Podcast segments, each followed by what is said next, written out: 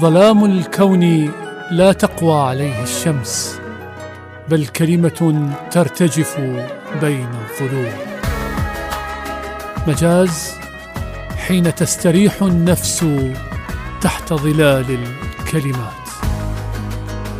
مجاز بستان الأدب وحديقة اللغة. مجاز مع علي محمود خضير.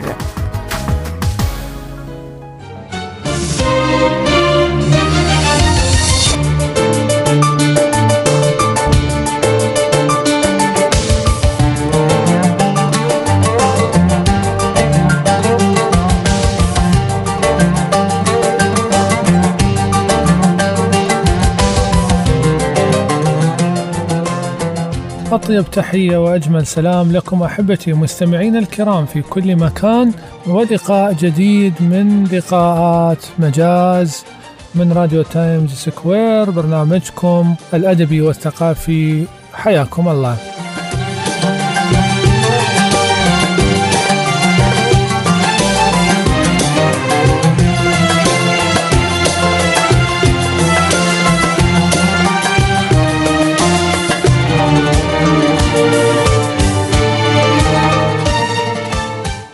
على الهواء مباشرة وعلى مدار ساعة كاملة من الآن سنكون معا. أنا علي محمود خضير في الإعداد والتقديم. يرافقني في الإخراج والتنفيذ الزميل المبدع مصطفى نزار. خليكم ويانا.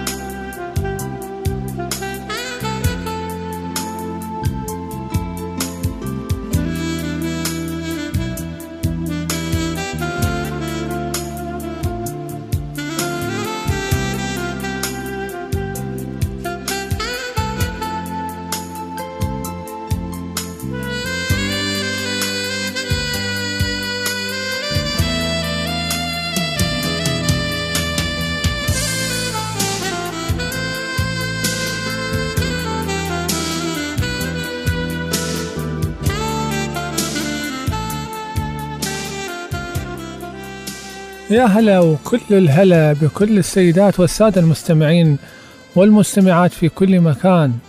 لقاء يتجدد بكم على الخير والمحبة إن شاء الله. يا رب تكونون بخير أنتم وكل أحبائكم. حلقة جديدة من برنامج مجاز ورحلة في الأدب والفكر والثقافة والفلسفة. نرحب فيه أولا وابتداء بكل السيدات والسادة. سواء اللي يسمعنا من مواقع التواصل الاجتماعي أو تطبيقات الهاتف المحمول منصات الإذاعة في كل مكان اللي يسمعنا من البودكاست يا مرحبا بكم جميعا. والحلقة اليوم راح تتناول أكثر من محور. المحور الأول تتحدث به عن الكتب أهم الكتب اللي ممكن أن نقتنيها في مكتباتنا البيتية و راح ناخذ مثال عن هذه المسألة الكاتب الإنجليزي كولين ويلسون. كذلك موضوعة كلش مهمة وهي موضوعة الحلقة الرئيسية مسألة تشكل الذائقة الثقافية لدى القارئ.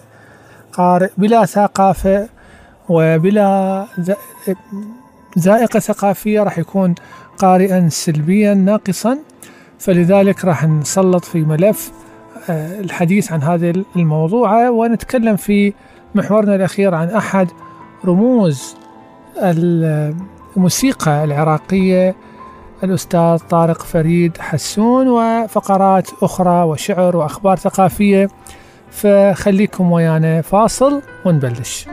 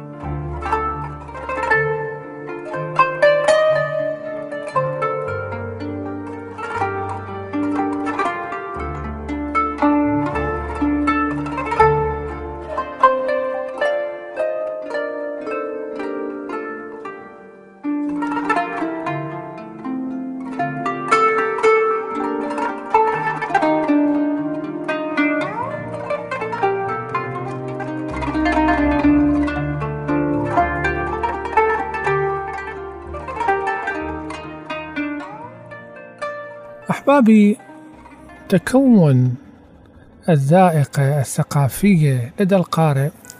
هي واحدة من أهم الميزات التي ممكن أن تصنع لنا. فئة قارئة مثقفة وواعية نعول عليها اليوم أنت ماكو فايدة أنه تقرأ إذا ما عندك ذوق في قراءتك. تقدر تعرف به السيء من الجيد. تماما مثل ما أنه أنت عندك فلوس لكن ما عندك ذوق تشتري السيارة الزينة أو الملابس الزينة أو الغذاء اللي يتناسب ويا طبيعة جسدك والحالة الصحية والبدنية. الذائقة جزء من الوعي والذائقة تتراكم وتتكون بفعل القراءة الجيدة وبفعل الاحتكاك وبفعل التأسيس الصحيح. شنو يعني تأسيس صحيح؟ يعني أنت لما تجي للقراءة عليك في البداية أن تحتك بشخص تختاره ثقة وتحاول أن تأخذ منه النصائح. يابا أنا أريد أقرأ أو أنا ميولي في العلوم الإنسانية ميولي في الفلسفة. كيف أقرأ؟ ومن الذي أقرأ لهم في البداية؟ ما هي الكتب التي تنصحني بها ما هي المراجع؟ فأن يكون لك عونا أو عرابا خلينا نسميه هاي مو فد شيء غلط. وهذا بالعكس هذا امتياز لأن هذا راح يختصر عليك كثيرا من الوقت ويختصر عليك كثير من الجهد في أن تتلطم منا ومنا في كتب غير نافعة. وهذا يشمل في كل فئات الثقافة سواء الأدب أو الفن أو الفكر أو الفلسفة أو العلوم بما فيها علوم اللغة. ضروري جدا أن تكون لك استشارة. واحدة من الأمراض التي سببها غياب الثق... الذائقة الثقافية مسألة الأسماء المعروفة الآن على ال social media والمتصدرة لواقع الثقافة أو ما يعرف بالمشهد الثقافي. حقيقة أنا أضعه بين قوسين. لأن المشهد الثقافي اليوم لا يمكن أن يكون مشهدا ثقافيا حقيقيا. الأسماء اللي به يعتمد عليها ليش؟ لأن طريقة صناعة الأسماء الأدبية والثقافية المعروفة اليوم هي طريقة تسويقية غير نزيهة لا تعتمد على جودة الإبداع بل تعتمد على التسويق تعتمد على دفع الأثمان في التمويل وحملات الترويج وفي العلاقات الثقافية المشبوهة وفي التنسيق مع بعض الجهات. في السابق كانت الأسماء الثقافية أسماء راسخة. إحنا وعينا للدنيا عرفنا أنه أكو شيء اسمه سياب ونازك الملائكة ومحمد خضير ومحمود البريكان وعبد مجيد عبد الرحمن الربيعي وغيرها. زين دول شلون إجوا؟ ما إجوا بهذه الطرق اللي, اللي نشوفها اليوم. مجرد ظاهرة ترند الثقافي. تشوف إحنا كتاب ومدونين يعلقون على الأحداث الراهنة بطريقة شعبوية بطريقة تناغي رغبات الجمهور وتنزل بها لغة وفكرا وتسف وتقدم لهم منتج يناغي الموضة اللي صايرة بحيث صارت الثقافة أيضا جزء من الموضة شلون يعني الثقافة جزء من الموضة بمعناها أن تفحص أنت النماذج الثقافية الطافية الآن على السطح فتشوف المحتوى اللي يقدمونه محتوى ملاحظات على رصانته. كذلك سؤال الجدة فيه ماكو بيه جديد. كذلك سؤال الثقافة مالته والوعي تلاحظ الأسماء المتصدرة الآن.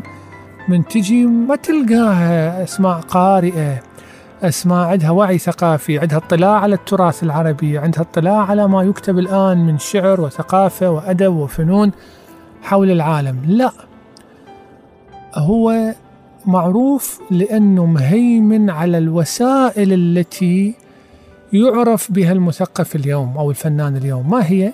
وسائل السوشيال ميديا المهرجانات الندوات المسابقات وهذه كثير من يمها في الأغلب الأعم تدار بالعلاقات العامة بالتنسيق بالتسويق بالأموال بالصفقات ولا تدار. مو مثل قبل كانوا دول ينحتون بالصخر حتى يكونون أسمائهم الأسماء الكبيرة الإبداعية من جيل من من أربعينات القرن الماضي إلى قبل أن يدخل العراق لموجة العنف في 1980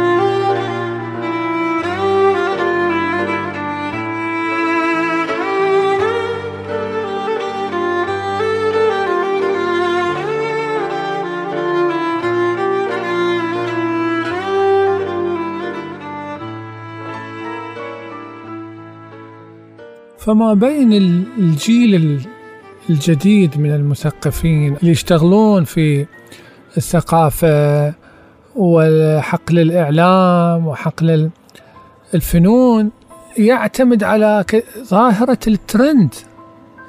تشوفه هو مجرد معقب ردة فعل على الأحداث اللي صايرة.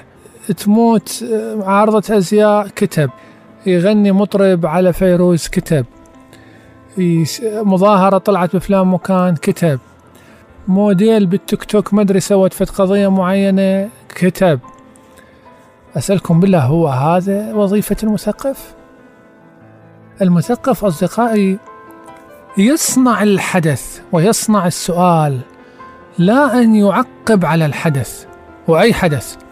هي هاي مصيبة. هي مشكلة أنه الأحداث اليوم اللي ما تعرف بالترند هي أحداث في الغالب بايخة وتافهة وما بها قيمة. شنو اللي يشغل ترندات المواقع التواصل العراقية؟ ضعيفة جدا. ما بيها ما بيها شيء واحد ممكن أن تعبر تقول عنه. حتى إذا أراد يناقش مسألة جادة تشوفها يناقشها مو بالحوار ولا بتبادل الأفكار بل بالصراع والتنافر وحساب المواقف وانقسام الناس. أنت وياي لو ضدي أنت عدوي لو ماذا؟ لو أنت صديقي. في السابق ما كان هناك ترند هناك brand الاسم يصنع نفسه عبر التعب والاجتهاد وتقديم النص المعرفي المتميز وصناعة التفرد في الوعي والثقافة والمواصلة مع الثقافات العالمية وفهم المشكلة الاجتماعية الثقافية وهضم التراث حتى يصير علامة أدبية مسجلة. brand وين ال brand وين ال trend ال trend يوم ويروح ساعات ويروح ال brand يبقى عقود بعد عقود لأنه ظاهرة حقيقية صنعت نفسها عبر الجودة. ولا شلون يعني الناس تعرف سيارات تويوتا مثلا أو ثلاجات Arçelik كانت سابقا ما أعرف الثلاجات الجيدة. عموما إحنا محضرين لكم تقرير يتحدث عن ظاهرة تشكل الوعي الثقافي والذائقة الثقافية عند القارئ. في هذا التقرير خلينا نسمعه معا ومستمرين معكم في برنامج مجاز. حياكم الله.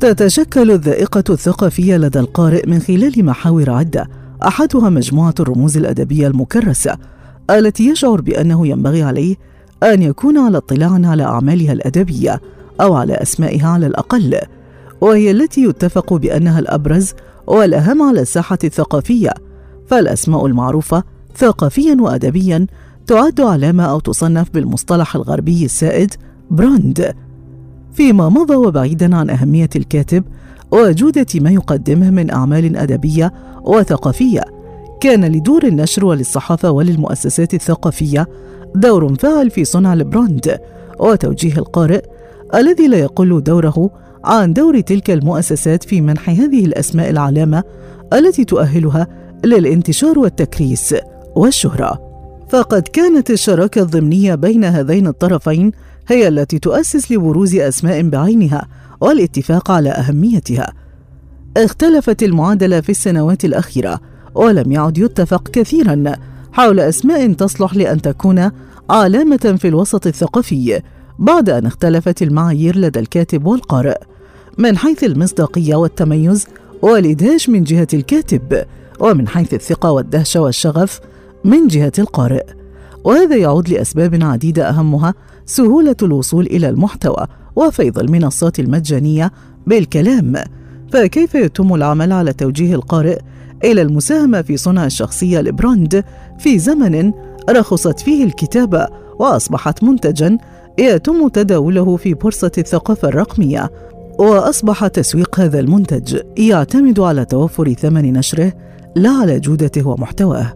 ففي الجيل الذي استطاعت فيه بعض الشخصيات الثقافية صناعة اسم تاريخي كانت دور النشر هي التي تلاحق الكاتب تتبناه وتمنحه بدائل مادية وتسويقية مقابل العمل الأدبي لتعزز من منزلته وتمنحه فرصة أن يكون علامة أو براند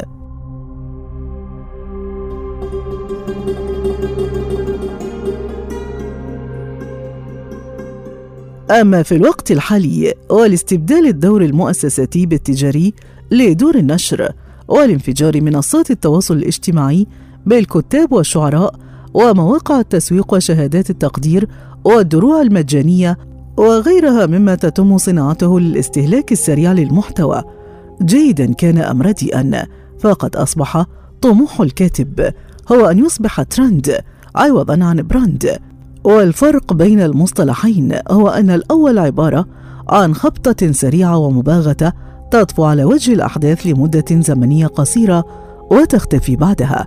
فيما الثاني يعني بذل جهد كبير لبناء الاسم وتلميعه والاشتغال عليه من جهات عدة ليصبح ماركة مسجلة تحفظ لها مكانا في التاريخ والذاكرة. المثير في الأمر ولكي يتمكن الكاتب من تحقيق طموحه بأن يصبح ترند ينبغي عليه أن يتسلق على أكتاف الأسماء لبراند أو أن يكون على اطلاع على أعمالهم على الأقل.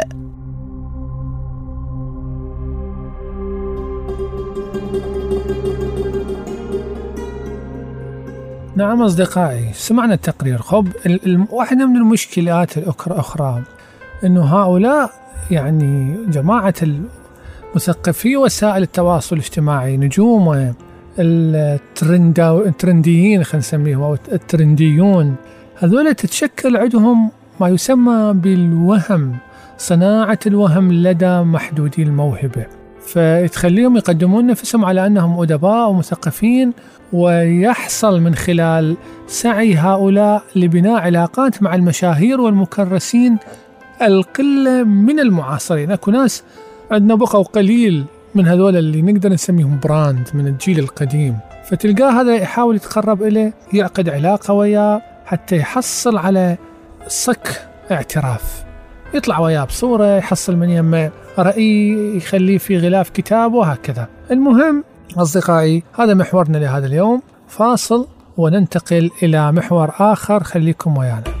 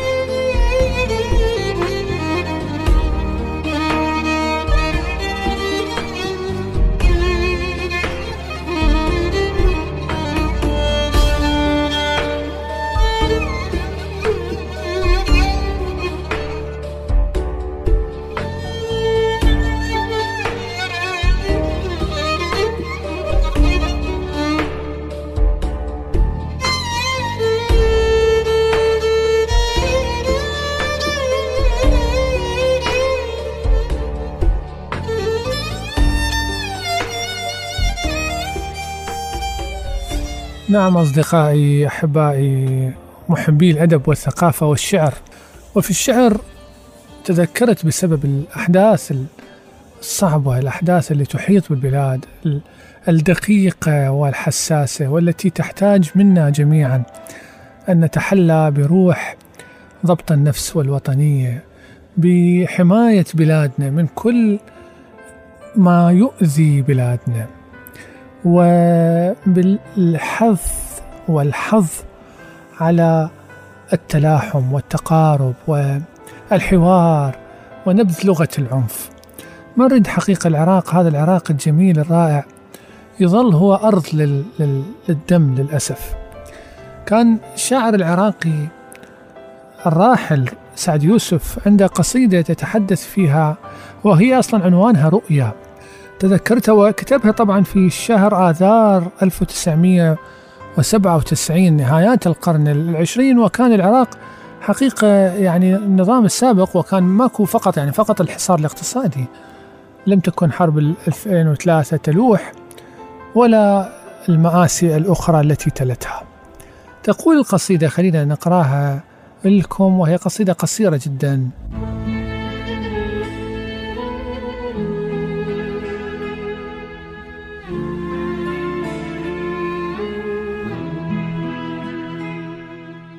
سوف يذهب هذا العراق إلى آخر المقبرة. سوف يدفن أبناءه في البطائح جيلا فجيلا ويمنح جلاده المغفرة. لن يعود العراق المسمى ولن تصدح القبرة. فامشي إن شئت دهرا طويلا. وادع إن شئت كل ملائكة الكون كل شياطينه. ادع ثيران آشور عنقاء مغربة ادعها وانتظر في دخان التهاويل معجزة المبخرة.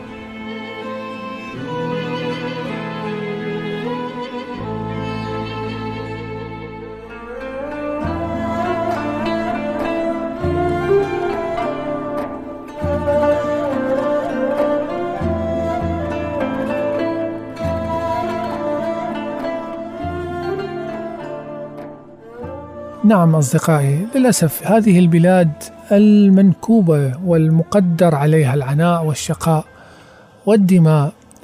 نتمنى حقيقة أن تخرج من المقبرة إلى إلى الحياة إلى الحدائق الغناء إلى الحياة الجميلة. ناس في كل العالم حقيقة جاي تعيش جاي تحاول برغم كل الصعوبات أن تتقدم بأجيالها بحرصها على تطوير الحياة تجميل الحياة إعمار الحياة حتى في القرآن يعني عمار الأرض من المفاهيم المهمة في الموروث الديني.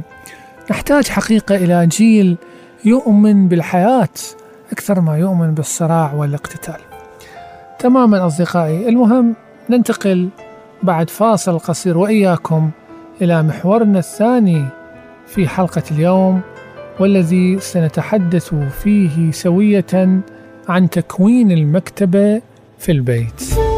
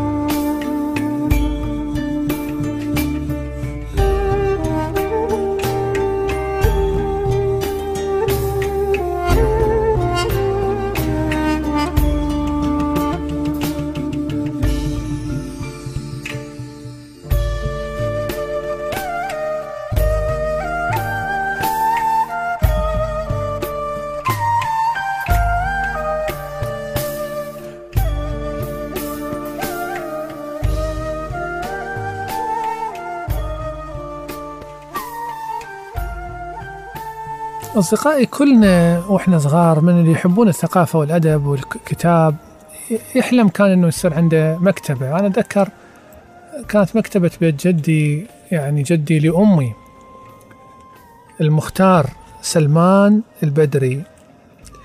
وهو مختار محلة القلعة في قضاء على الغربي.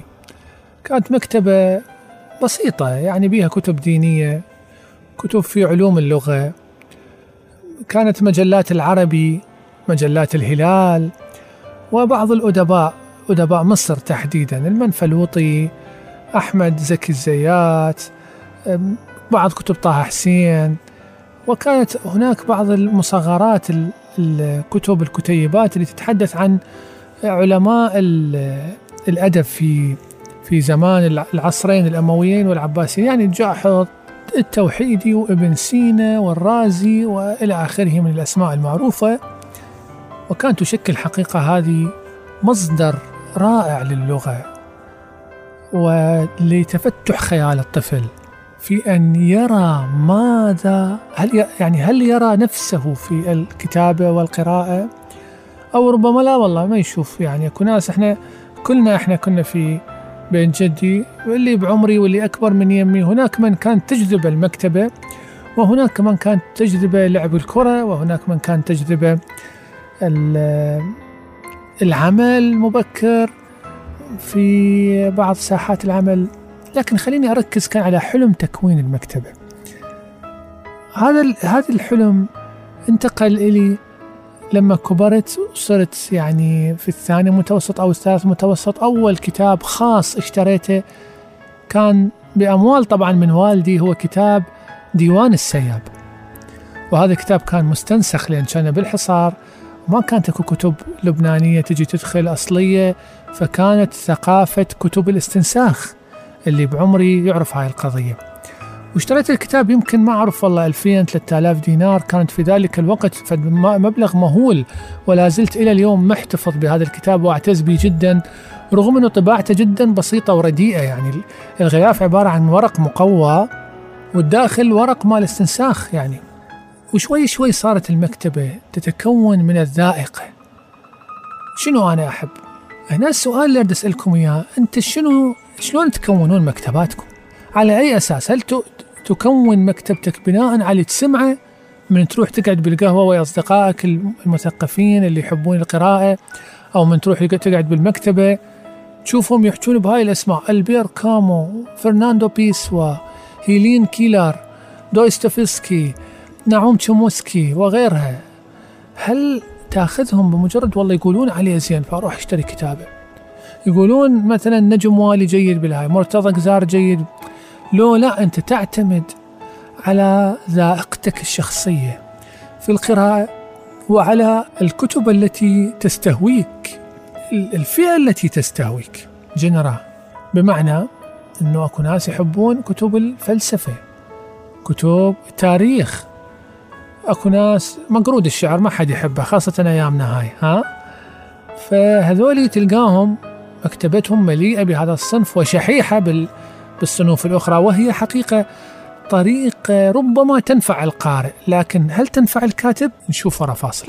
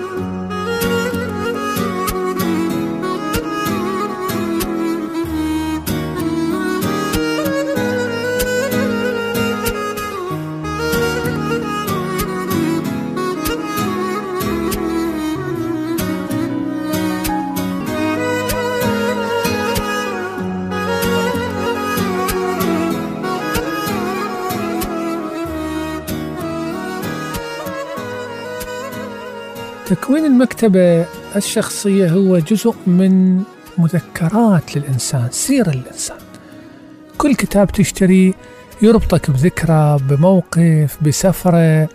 والله العظيم أنا أتذكر سنوات كنت أروح لبغداد خصيصا حتى أشتري قائمة كتب. هسه الناس تروح؟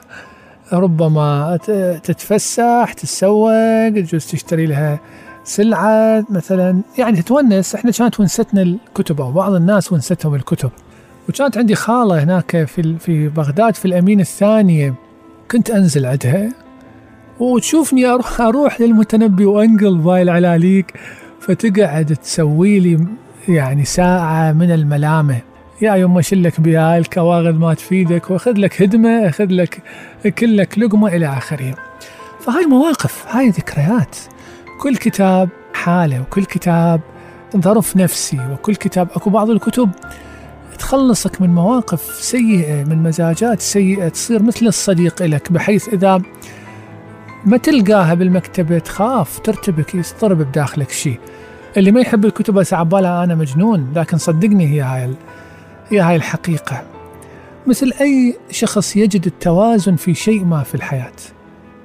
أنا حقيقة ما أحب اللي يلومون دول اللي يبي يبي يعني يربون الطيور. حتى كلمة المطيرتشي تصير مثل السبة. هو يجد توازنه بهذه الهواية مثل اللي يجد توازنه في الرسم في جمع الطوابع في في الغناء في الزراعة في الصيد. عندنا ناس في البصرة يروحون يطلعون يعوفون أهاليتهم فد أسبوع يروح للخليج. متحمل الخطر والشرجية الزينة والمصاعب حتى والله يجيب لك كم سمكة. خو يقدر يشتريها من سوق السماكة بالبصرة يم شارع بشار صح لو لا؟ لكن هو يجد هاي المتعة فلا تلومون أحد على شغفه بالعكس هذا التوازن والتنوع جميل جدا. وأنت من تقعد يم اثنين من عشاق الصيد تشوف العالم اللي يبحرون به والمصطلحات والأحداث والمناقشات وكأنه اثنين يتكلمون في الفلسفة أو اثنين يتكلمون بالفن أو اثنين يتكلمون في كرة القدم. هي هاي الجمالية. الحياة تكوين مكتبة وكأنه أنت جاي تفتح سيرة حياة إنسان. صح لو لا؟ فإحنا محضريكم تقرير صغير بسيط. مرة سألوا كولن ويلسون أبو اللامنتمي إنه أنت شلون تكون مكتبتك؟ شنو الكتب اللي تحبها؟ فخلينا نسمع ويلسون شنو قال ونرجع لكم. خليكم ويانا في مجاز.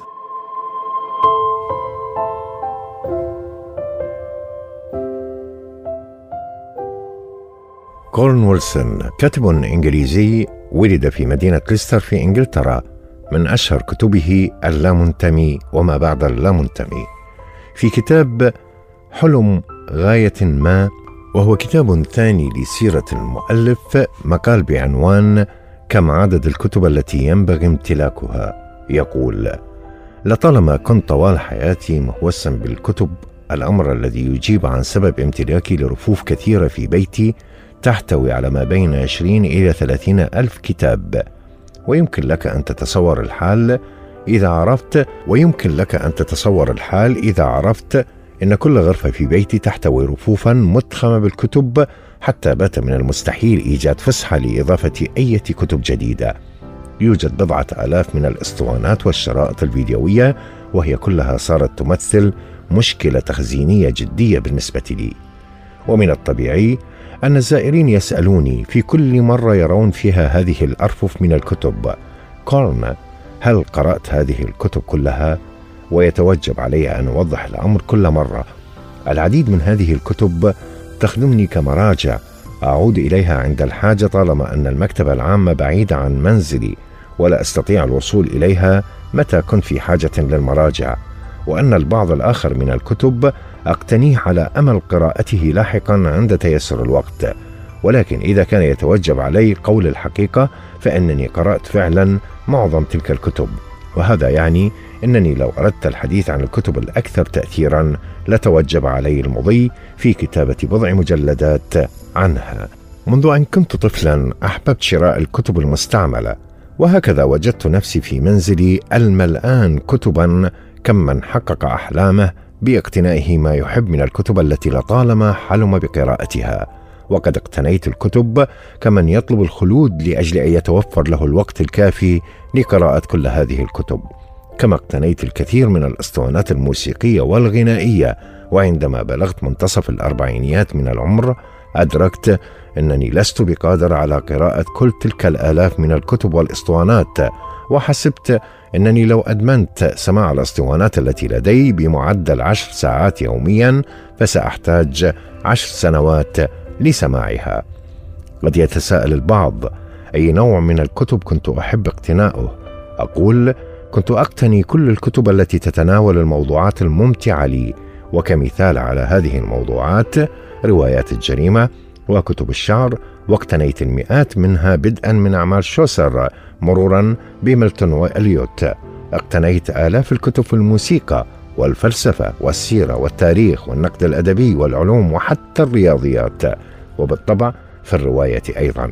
وكانت لدي مجاميع كاملة لكل أعمال كتابي المفضلين دوستويفسكي تولستوي برنارد شو.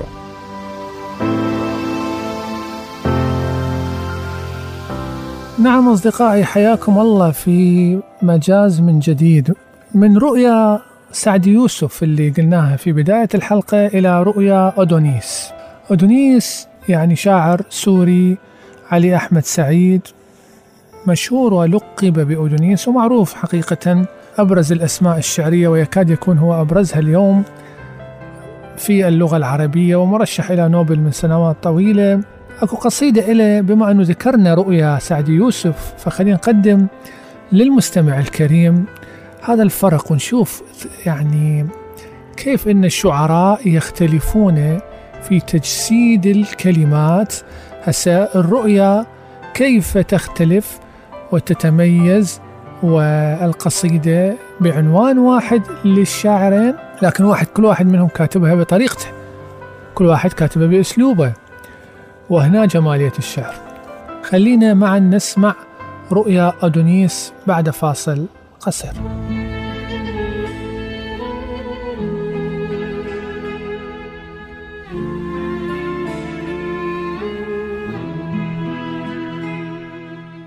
هربت مدينتنا. فركضت استجلي مسالكها. ونظرت لم ألمح سوى الأفق. ورأيت أن الهاربين غدا والعائدين غدا. جسد أمزقه على ورقي. ورأيت كان الغيم حنجرة والماء جدرانا من اللهب. ورأيت خيطا أصفرا دبقا خيطا من التاريخ يعلق بي. تجتر أيامي وتعقدها وتكرها فيه يد ورثت جنس الدمى. وسلالة الخرق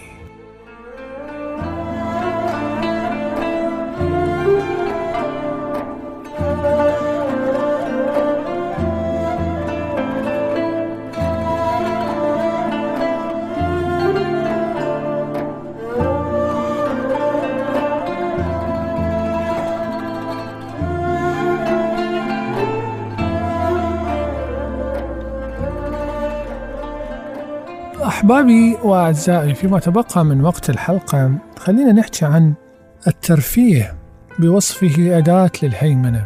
والترفيه طبعا جاي هو بحد ذاته الترفيه ليس أمرا سيئا. من الجميل أن الإنسان يرفه عن نفسه بأي شيء يعجبه لكن عندما يتحول الترفيه إلى ترسيخ ثقافة الكسل والتلبد و عدم الوعي وإضاعة الوقت يتحول إلى وسيلة للهيمنة وتدمير المجتمعات وقيمها وأخلاقها.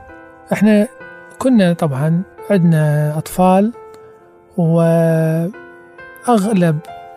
وقتهم لا والله 90% من وقتهم هو رايح إلى لعنة ال PlayStation وال Xbox والأجهزة الذكية الآيباد والتليفون تابلت يعني. أو مختلف تطبيقات الإنترنت إنستغرام ويوتيوب وتيك توك. طبعا هذه المنصات بتوافه محتواها وليس بمعارف محتواها وإلا في هذه اليوتيوب بجواهر بأفلام تسجيلية وأفلام وثائقية في العلوم والتاريخ والأدب والعلم. العلم العلم حطوا جواها أربع خطوط.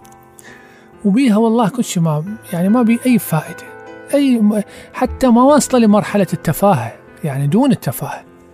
شوف أنت فيديو تسع دقائق ل تتكلم به وحدة مسوية قناة مال أطفال تحكي به عن البيوت المسكونة والطفل وشفت لي كذا.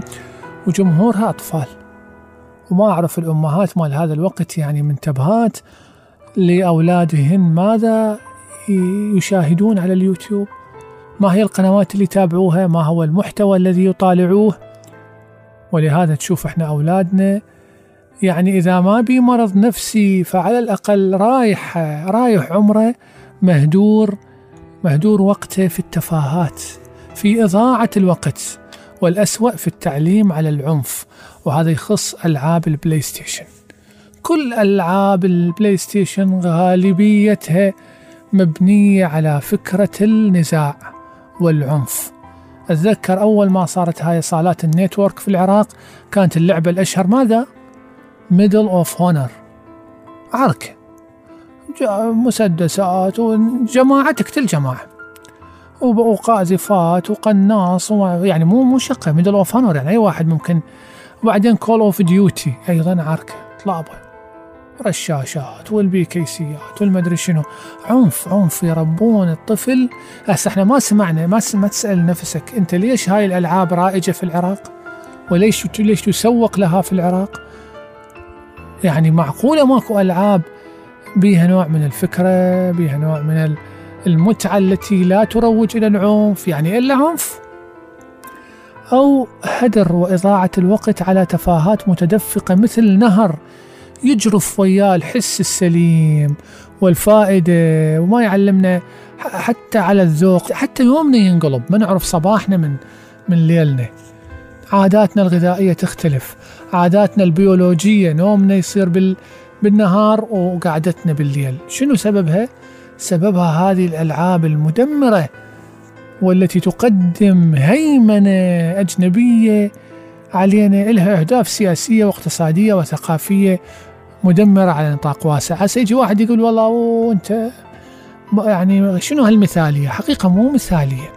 ولا أنا فد واحد يعني عروبي ومضاد للغرب ومن هاي السوالف. لكن بالله عليك هل تعتقد أنه ابنك يبقى 11 ساعة 12 ساعة مقابل هذا الجهاز؟ هذا الشيء جيد؟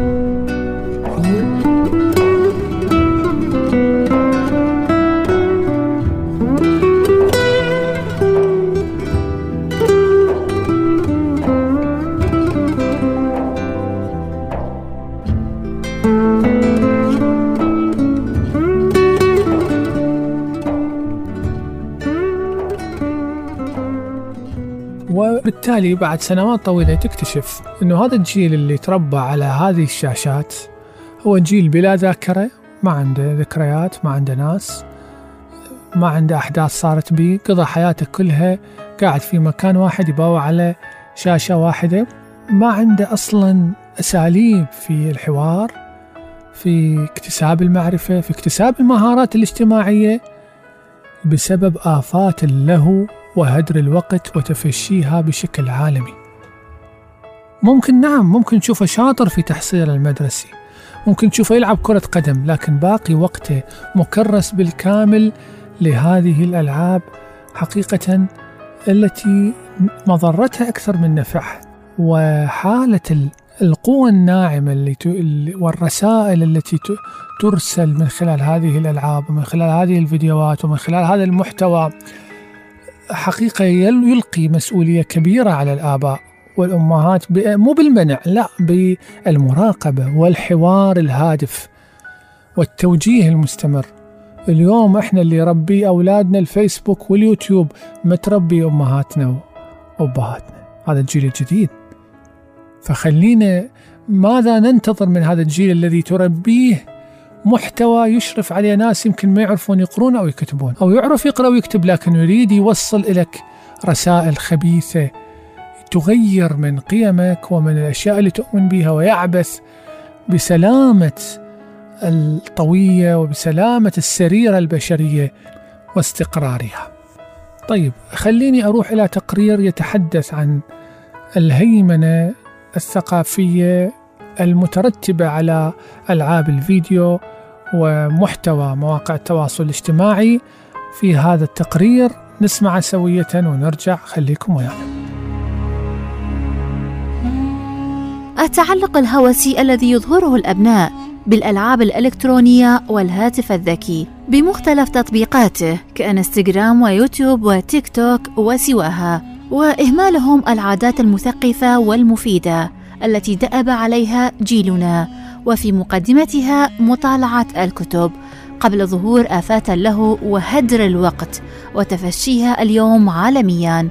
ورغم أن بعض الأبناء متفوقون في تحصيلهم المدرسي إلا أن باقي وقتهم مكرس بالكامل لتلك الألعاب المدمرة التي تلقن أمرين لا ثالث لهما العنف وإضاعة الوقت على سيل من التفاهات المتدفقة. مثل نهر يجرف معه الثقافة والحس السليم والفائدة المعرفية مما يجعل وسائل الترفيه من أبرز أدوات الهيمنة.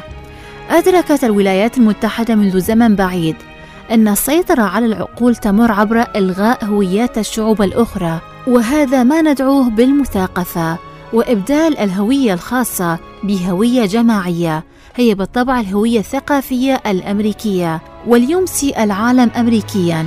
ينبغي بدءا إقناع الآخرين بتفوق النموذج الأمريكي على ما عدا. وبمساعدة من ممتلكي المصالح الاقتصادية الكبرى والثروات الضخمة تمكن الأمريكيون من شن هجومهم الثقافي على الإرث الجماعي لدى الشعوب والمجتمعات بواسطة الأداة الثقافية. فالإرث الجماعي لأي شعب يتعلق بلغته وتاريخه ونبوغه وكنوزه الفنية والأدبية والعلمية والثقافية وتقاليده التي تشمل القيم الخاصة بأي مجموعة بشرية وتراثه ملبسا وغذاء أي المطبخ الخاص وأسلوب عمل وأشكال ترفيهية. وحين يتم تزوير إدراك شعب ما لإرثه من خلال إقصاء هذا الإرث شيئا فشيئا وإبداله بإرث آخر غريب آت من مصدر أيديولوجي رأسمالي بعيد. فإن النتيجة تكون استلاب روح هذا الشعب وتحويله إلى قطيع خاضع ومناسق للنمط الفكري والثقافي والقيمي الجديد.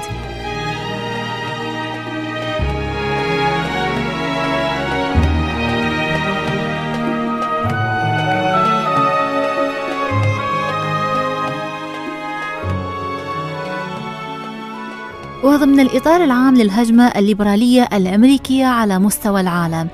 تهدف الولايات المتحدة إلى جعل التقاليد والتذوق والرغبات ذات نمط واحد. أما الهدف النهائي فهو تقسيم البشرية كتلتين متواجهتين. الأولى وفيرة العدد قوامها الزبائن. أما المشترون والمستهلكون ودافعو الضرائب بدءا بالشعب الأمريكي نفسه. والثانية قوامها الصناعيون والتجار.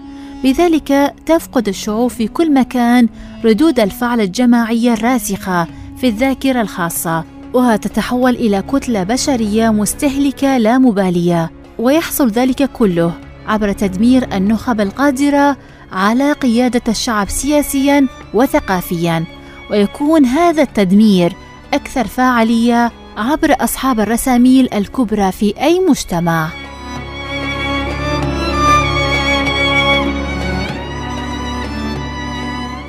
إذا بعد هذا التقرير الجميل حقيقة نتمنى أن نكون قدمنا حلقة ممتعة ونافعة من مجاز. تقبلوا في نهاية تحياتي أخوكم علي محمود خضير في الإعداد والتقديم وأجمل وأرق تحية للزميل المخرج المبدع مصطفى نزار. حتى نلتقي لقاء قريب قادم. إن شاء الله لكم منا أطيب الود والتحايا وأطيب الأوقات مع باقي برامج الإذاعة. كونوا في رعاية الله وحفظه. ظلام الكون لا تقوى عليه الشمس بل كلمة ترتجف بين الظلوم مجاز حين تستريح النفس تحت ظلال الكلمات. مجاز. بستان الأدب وحديقة اللغة. مجاز مع علي محمود خضير.